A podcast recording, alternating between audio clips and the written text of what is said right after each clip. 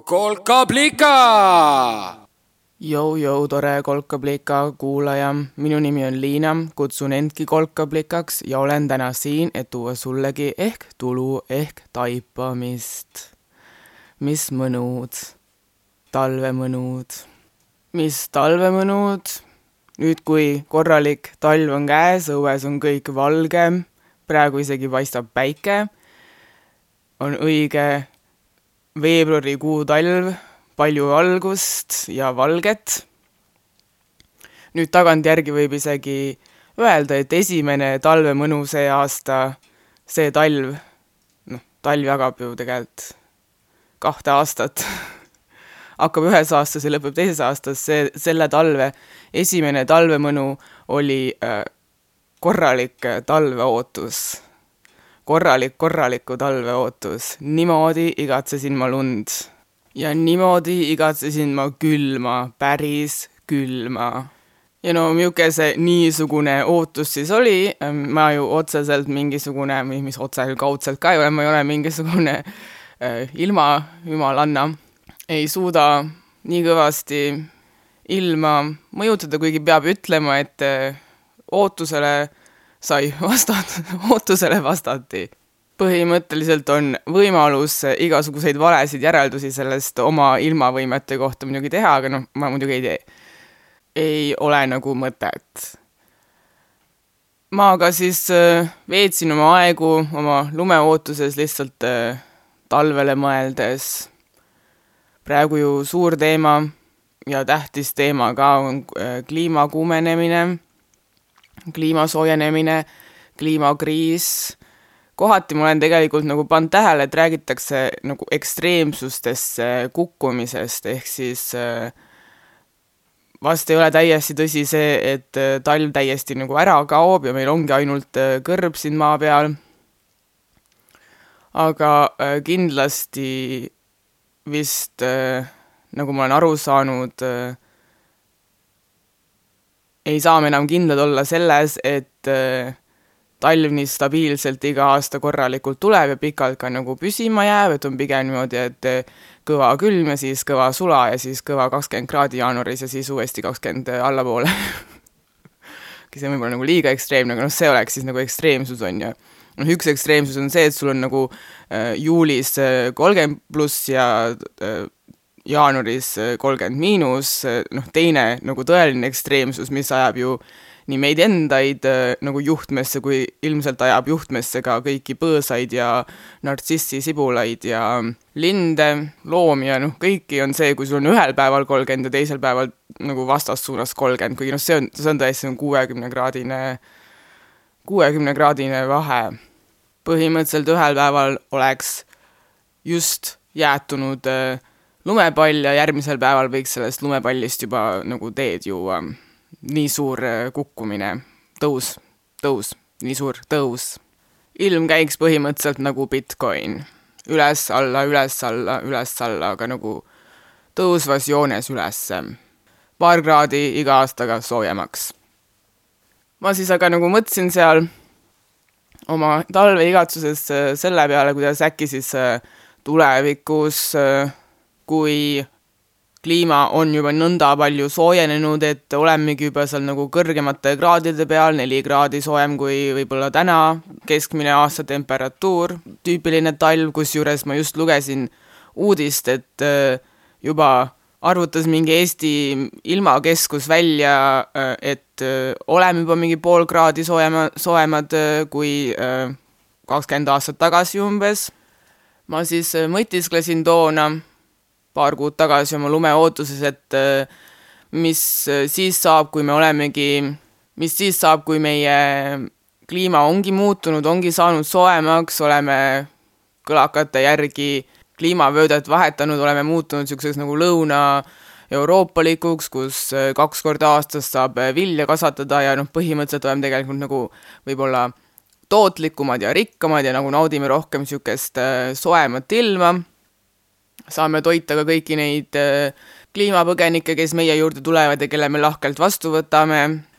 et huvitav, kas siis äh, nagu muutub ka see trend, mis praegu on, et noh, praegu edukad äh, edukad põgenevad ja mitte nii edukad tahavad ja unistavad talve eest ära põgeneda kuhugi soojale maale palmisaare alla päikest võtma, kui õues on kodus pakane et huvitav, kas siis läheb nagu vastupidiseks, noh, meil on juba nagu kodus enam-vähem niisugune soe ilm olemas, ei ole nagu otsest vajadust ennast veel rohkem kuhugi kõrvetama minna, et kas siis meil nagu tekib igatsus äh, nende valgete aegade järgi ja hakkame kuhugi põhja poole panema, et äh, lund näha. noh, et tekib igatsus vana aja järele, valgete väljade järele, valgete väljade, kus silm puhkab okei okay,, tõsi, tegelikult ju räägitakse, et silm puhkab hoopis rohelisel. seetõttu olid vanad tahvlidki ju, millele kriidiga kirjutati rohelist värvi, Kalakas rääkis, et äh, silm puhkab tahvlil sellisel juhul. kuigi noh, tegelikult vist tõeli-, parem nagu taktika oli lihtsalt nagu aknast välja vaadata, et äh, rohelus äh, õues seda muidugi üksnes siis, kui äh, koolimaja või siis täna, ma ei tea, kontor asub ikkagi looduskeskkonnas, sest äh, linnakeskkonnas aknast välja vaadates võid hoopis teist aknasse sisse näha ja see võib ka tead täitsa veel rohkem huvitavam olla kui see, mis sul seal enda toas toimub, nii et äh, point on, et roheline, kõlakate järgi rohelisel puhkab silm, samuti kaugele vaadates, mistõttu vist see aknast välja vaatamine oli ka nagu parem taktika kui äh, tahvlil silma puhata. ma tahtsin hoopis jõuda selleni, et minul praegu puhkab silm sellel valgel. kõik on valge, ma saan nagu mingi niisuguse silmakaudse äh, aju äh, formati pu, nagu puhastustöö, nagu mingi viiruse skänner käib nagu äh, aju sees. kõik saab jälle kalibreeritud vahepeal on olnud nagu nii kirju igasugused mingid äh, rohelised ja roosad ja lögad ja äh, lilled ja äh, riided ja noh, kõike on nagu nii palju mingeid erinevaid sigrimigrit nüüd on järsku nagu sihuke puhas must ja valge. korraks ongi nagu mustvalge maailm. lihtne. aga noh, toona tegelikult juba, kui ma mõtlesin selle oma unistuste peale, kuidas kõik vastupidi hakkavad hoopis öö, talvel, talve poole sõitma, mitte talvel suve poole sõitma, nagu praegu tehakse, siis, või noh, mitte praegu ju isegi ei tehta, sest praegu ei saa eriti üldse kuhugi sõita. koroonaaeg, eks ole. mul juba tegelikult to, nagu tol hetkel veits vesi tuli peale mõttele, sest mulle meenus, kuna mu enda õde oli tol hetkel, kui ma neid mõtteid mõtisklesin, kuskil Suusamäel lumelauda sõitmas, siis noh, tuli meelde, et seda tehakse tegelikult ju praegugi, sõidetakse ka nagu suusamäge nautima. aga noh, teistpidi ikkagi nad ei sõida ju sinna nagu lume pärast otseselt. lund on ju siin ka, võib siin ka mäe otsa minna, nad sõidavad ikka nagu mägedesse, mägesid nagu pinnavorme otsima. mida pikem liug, seda lõbusam, kuidas see ütlus käib. ja noh, pinnavorme me vist päris nagu siukseid endale kokku ei ehita, kuigi tegelikult ju oleme olnud ju ka seal väga leidlikud, kas mitte Ida-Virumaal ei lasta nüüd äh, tuhamägedest äh, kelgu ja lumelaua ja suuskade peal alla või? kes ütles, et äh, mägi peab nagu päris olema? oleme seal juba seda põlevkivi välja kaevata, kaevandanud, et siis nagu võtame sellest nagu viimast ehk lusti ka. peale selle, et see põlevkivi põhiasi vist on, mis maailmale nagu vot siin ongi vahe, ei tee ta maailmale viga, ta teeb maakerale viga. maailma ta just paneb tööle, maailma ta hoiab töös, maakerale on ta, maakerale on ta nagu puuk. puuk siis, kui puukentsefaliiti või borrelioosi kandev puuk on inimesele. sihuke on põletatud põlevkivi maakerale. teeb haigeks ma olen siin muidugi, mis mult ikka oodata, lugenud jälle tarku raamatuid. Ja viimati olen lugenud äh, ühte saksa tädi siis. Kui ma mehi onudeks kutsun, siis kutsume tä-, naisi tädideks. Või tere siin, tädi Liina. tegelikult äh, onudeks ja tädideks kutsumine toob nad kuidagi lähemale, tekitab tunde, et me kaheksa äh, miljardine kamp olemegi nagu üks niisugune suur kärgpere. kuskilt kaugelt-kaugelt, kaugelt sugulased. üks liik, üks kamp, üks pere. igatahes tädi, keda ma lugesin, ta nimi oli Hanna Arendt, ta sündis eelmise sajandi alguses, tänaseks on ta juba surnud ta oli, ta sündis Saksamaal, ta oli juut ja ta äh, põgenes juudi, juudina siis äh, Hitleri eest Saksamaalt ja tema looming ehk siis nagu mõttetöö on hästi seotud olnud äh, või noh, oli juudi küsimusega, mis kõik juhtus eelmise sajandi nagu keskpaiga alguses, seal kolmekümnendatel ja nii edasi, kui see Hitler äh, inimeste ajusid laamendas oma imelike mõtetega. teda põhimõtteliselt väga huvitas, et kuidas, kuidas oli see võimalik, et äh, Hitleril kõik see imelikkus äh, läbi läks. ja ma nagu liiga pikalt ei viitsi sellesse minna, aga mulle hullult meeldis, mis ma nagu välja on tulnud seni, oli see nagu vahe tegemine sellest, et äh, mis on nagu maailm versus siis näiteks maakera.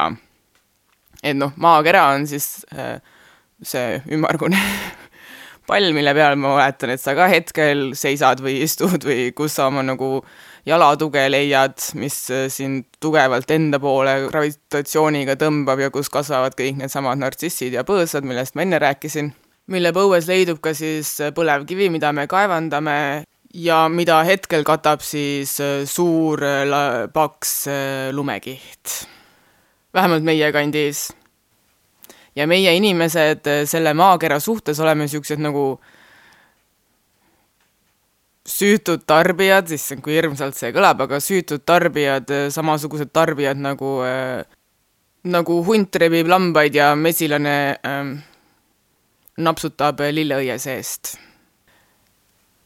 meil on vaja teda toiduks, meil on vaja seda ökosüsteemi äh, oma ümber olevat, et ise ka nagu ellu jääda, on ju meil on vaja panna kartul äh, maha, et äh, seda sügisel võtta, kuigi kartuli mahapanemine, seal juba tek-, tuleb sisse kultuur, kultuur siis kui äh, laias tähenduses kõik, mida inimesed korraldavad ja teevad ja omavahel kokku lepivad, mitte üksnes siis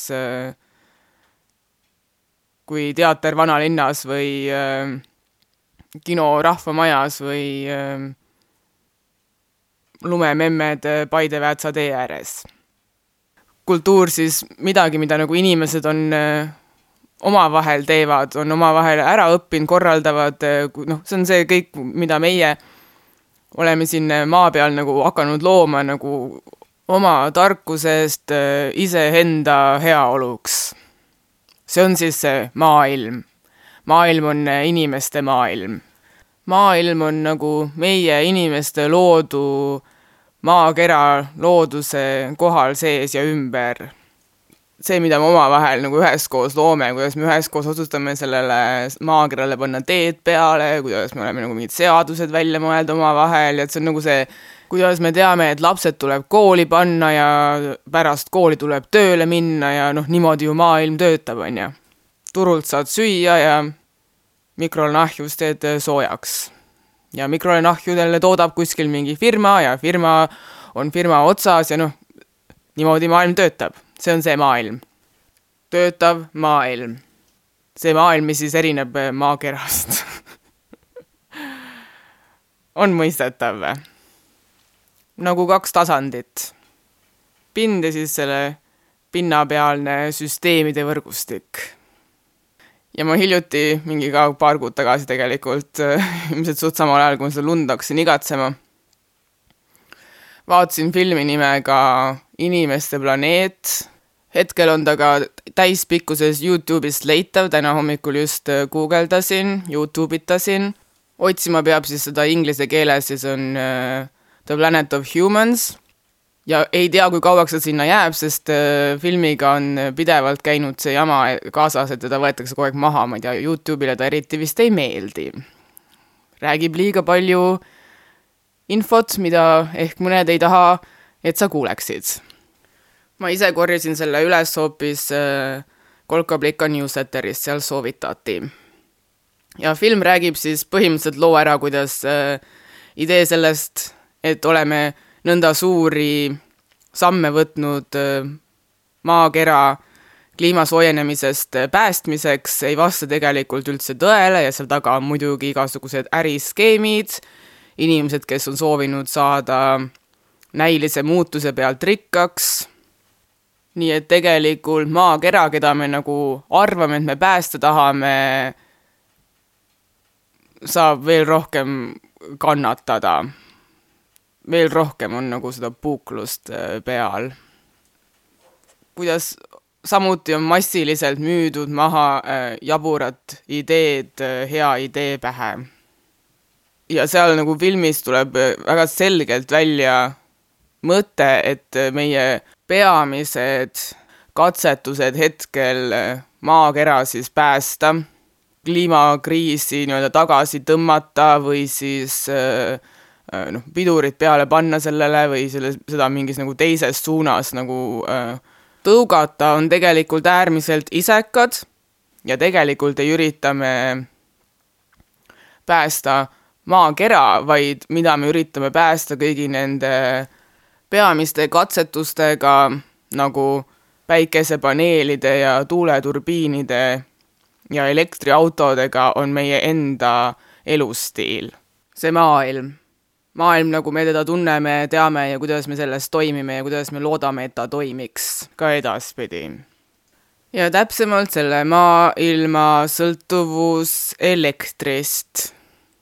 põhimõtteliselt oleme elektrist samamoodi sõltuvuses, nagu näiteks mina olen sõltuvuses suitsust, sigarettidest või mõni teine on äkki sõltuvuses narkootikumidest või mõni on sõltuvuses alkoholist. mina kui suitsetaja, kui mul on äh, üks sigaret ainult veel jäänud alles pakki või tubakas on nagu põhimõtteliselt, äh, tubakast on rullitav üksnes äh, üks, kaks, kolm suitsu või näiteks on paberid otsas või filtreid on ainult üks alles ja tubakat on rohkem, suht raske on mõelda millestki muust, kui äh, kust ma uue äh, suitsupaki saan või äh, nüüd tuleb kohe minna poodi filtreid ja pabereid ostma. ainult siis eks selle vahega, et me oleme inimkonnana aru saanud, et meil on sõltuvus ja et selle sõltuvusega tuleb midagi peale hakata, sest äh, suitsetamine näiteks tekitab äh, kopsuvähki. ja meie ta-, elektri tarbimine tekitab siis kopsuvähki maakerale, põhimõtteliselt. analoogina vist töötab, on ju. ja ma arvan, et me oleme nagu suht ühel meelel ka selles osas, et ei taha mina surra kopsuvähki ja me oleme ka ju jõudnud äh, arusaamale, et me ei taha ka, et äh, maakera hüpoteetiliselt sureks nii-öelda sellesse kopsuvähki, eks ole. ehk me oleme nagu nende päikesepaneelide, tuuleturbiinide ja elektriautodega sealmaal, et äh, me oleme leiutanud äh, omale e-sigaretid põhimõtteliselt e. E-sigarettide turundustaktika põhiline argument oli ju, et äh, sa võid jätkata oma sõltuvusega, aga sa ei ole sealjuures nii ebatervislik kõrvalseisjale. passiivne suitsetamine nagu põhimõtteliselt kaob ära, kui me teeme, tõmbame e-sigaretti. samamoodi oli ju veits juttu sellest, kuidas tõrva enam sa endale kopsu ei äh, tõmba, ehk nagu mingis mõttes on võib-olla e-sigaret isegi sulle endale kui suitsetajale tervislikum justkui nagu tervislikum variant, kuigi tegelikult keegi ei tea täpselt, mida need äh, vedelikud, äh, need aurud, mida iganes meile tegelikult pikas plaanis teevad. või kui suured saavad olema maa-alused äh, e-sigareti plastikjullade prügimäed. ehk jah, tõesti, kalad ei söö siis enam meie konisid, aga võib-olla siis hoopis äh, näiteks äh, mutid äh, närivad seda plastmassi. Pole niisugust varianti veel varem kuulnud, aga noh, kes teab. kui ma selle muti onu loo nüüd ise välja mõtlesin, siis see film igatahes lammutas maha kõiksugused lootused, mis minagi olin endale nagu külge võtnud või olin lasknud end siis nii-öelda ära osta selles osas, et äh, tuuleturbiinid või päikesepaneelid ja elektriautod ongi lahendus, mis meid eh, nii-öelda päästab.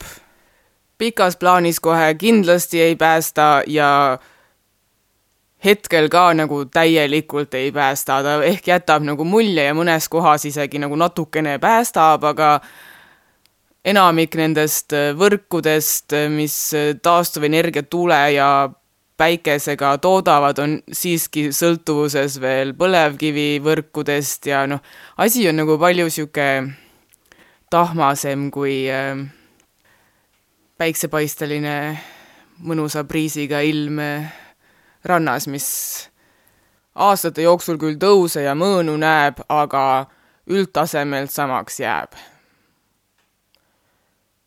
Mu lemmikkoht filmist oli üks lõik kuskil filmi keskel või päris mitte keskel, seal umbes kolmekümne viiendal minutil.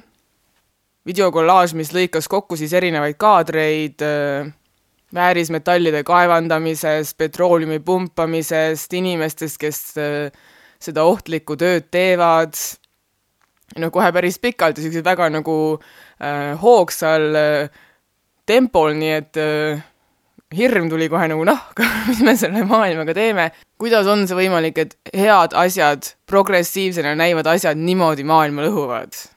eriti veel siis ju olukorras, kus nendel asjadel ei ole nagu eriliselt pikka eluiga mõnel on kümme aastat, mõnel viisteist, aga enamjaolt ilmselt kõik vähemalt viiekümne aastaga jõuavad eh, mutijonu peole gurmeetoiduks.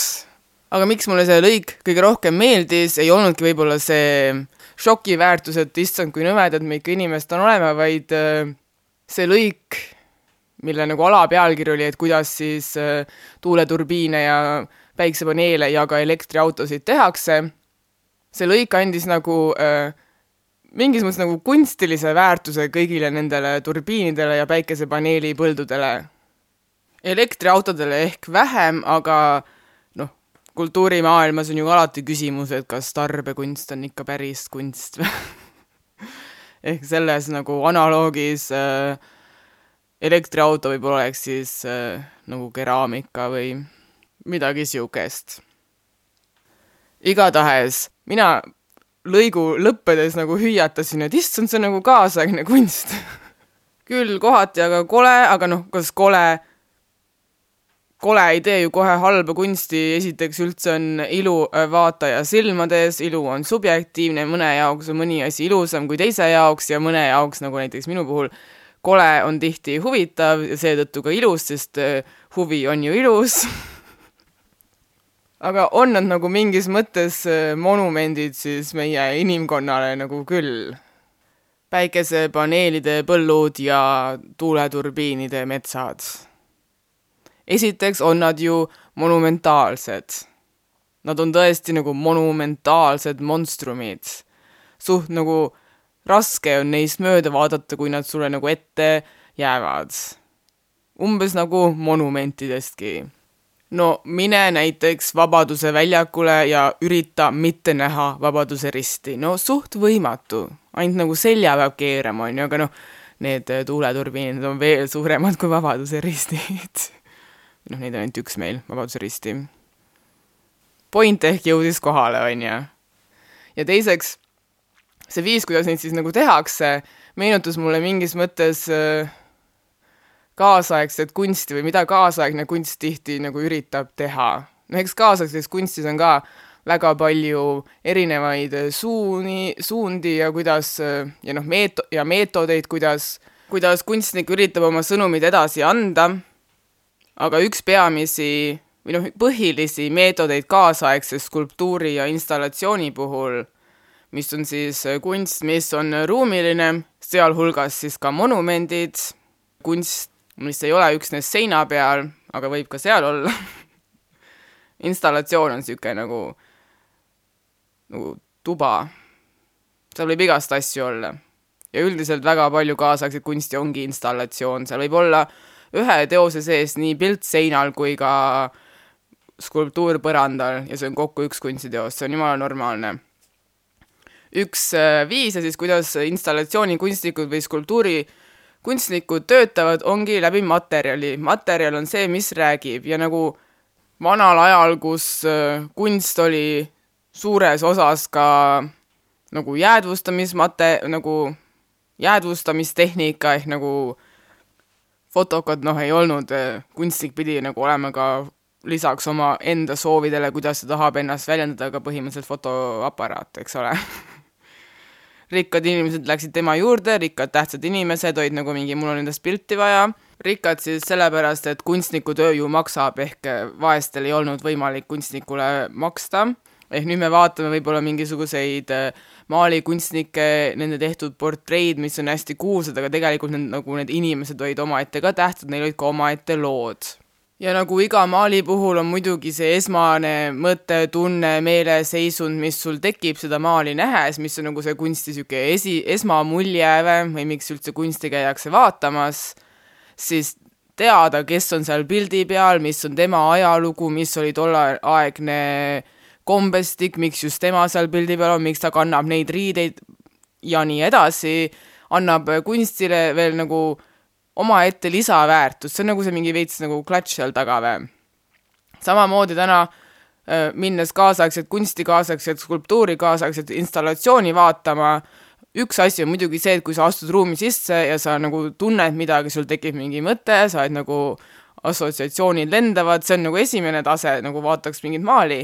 Teine tase, teine viis, kuidas kunst saab sinuga rääkida, on siis läbi nende materjalide, nende materjalide, millel on ka omaette ajalugu omaette, tootmisviis, asjad, mis kõik saavad äh, ka lisaks veel sinu nii-öelda kunstikogemust tugevdada ja millele väga tihti tegelikult vähemalt head kunstnikud on mõelnud.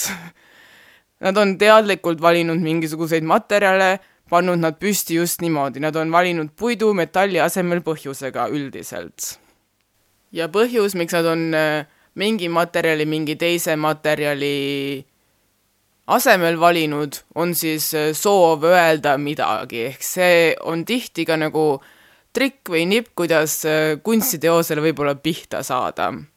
pihta saada sellele, mida kunstnik on tahtnud öelda. ja noh, kuna noh, sul on ikkagi vaja nagu mingit sorti teadmisi võib-olla, et noh, täiesti lõpuni nagu pihta saada, mida see siis kunstnik tahab öelda, mistõttu võib-olla vahel on ka nagu noh, peale selle, täielik hariduse auk on olnud äh, kunstiõppes äh, noh, võib ka olla nii, et sa tõesti ei teagi, nagu sa, sul ei tule nagu see idee ise pähe, mida kunstnik on nagu teadnud. Ja seetõttu tihti galeriide puhul, kunstinäitustel äh, tulevad appi äh, saatetekstid või pressitekstid, mida tavaliselt leiab sealt kuskilt nagu ukse juurest või siis äh, tagatoast või noh, niisugune nagu tekstikene, mis äh, kas siis kunstnik või galerist või kuraator on kirjutanud.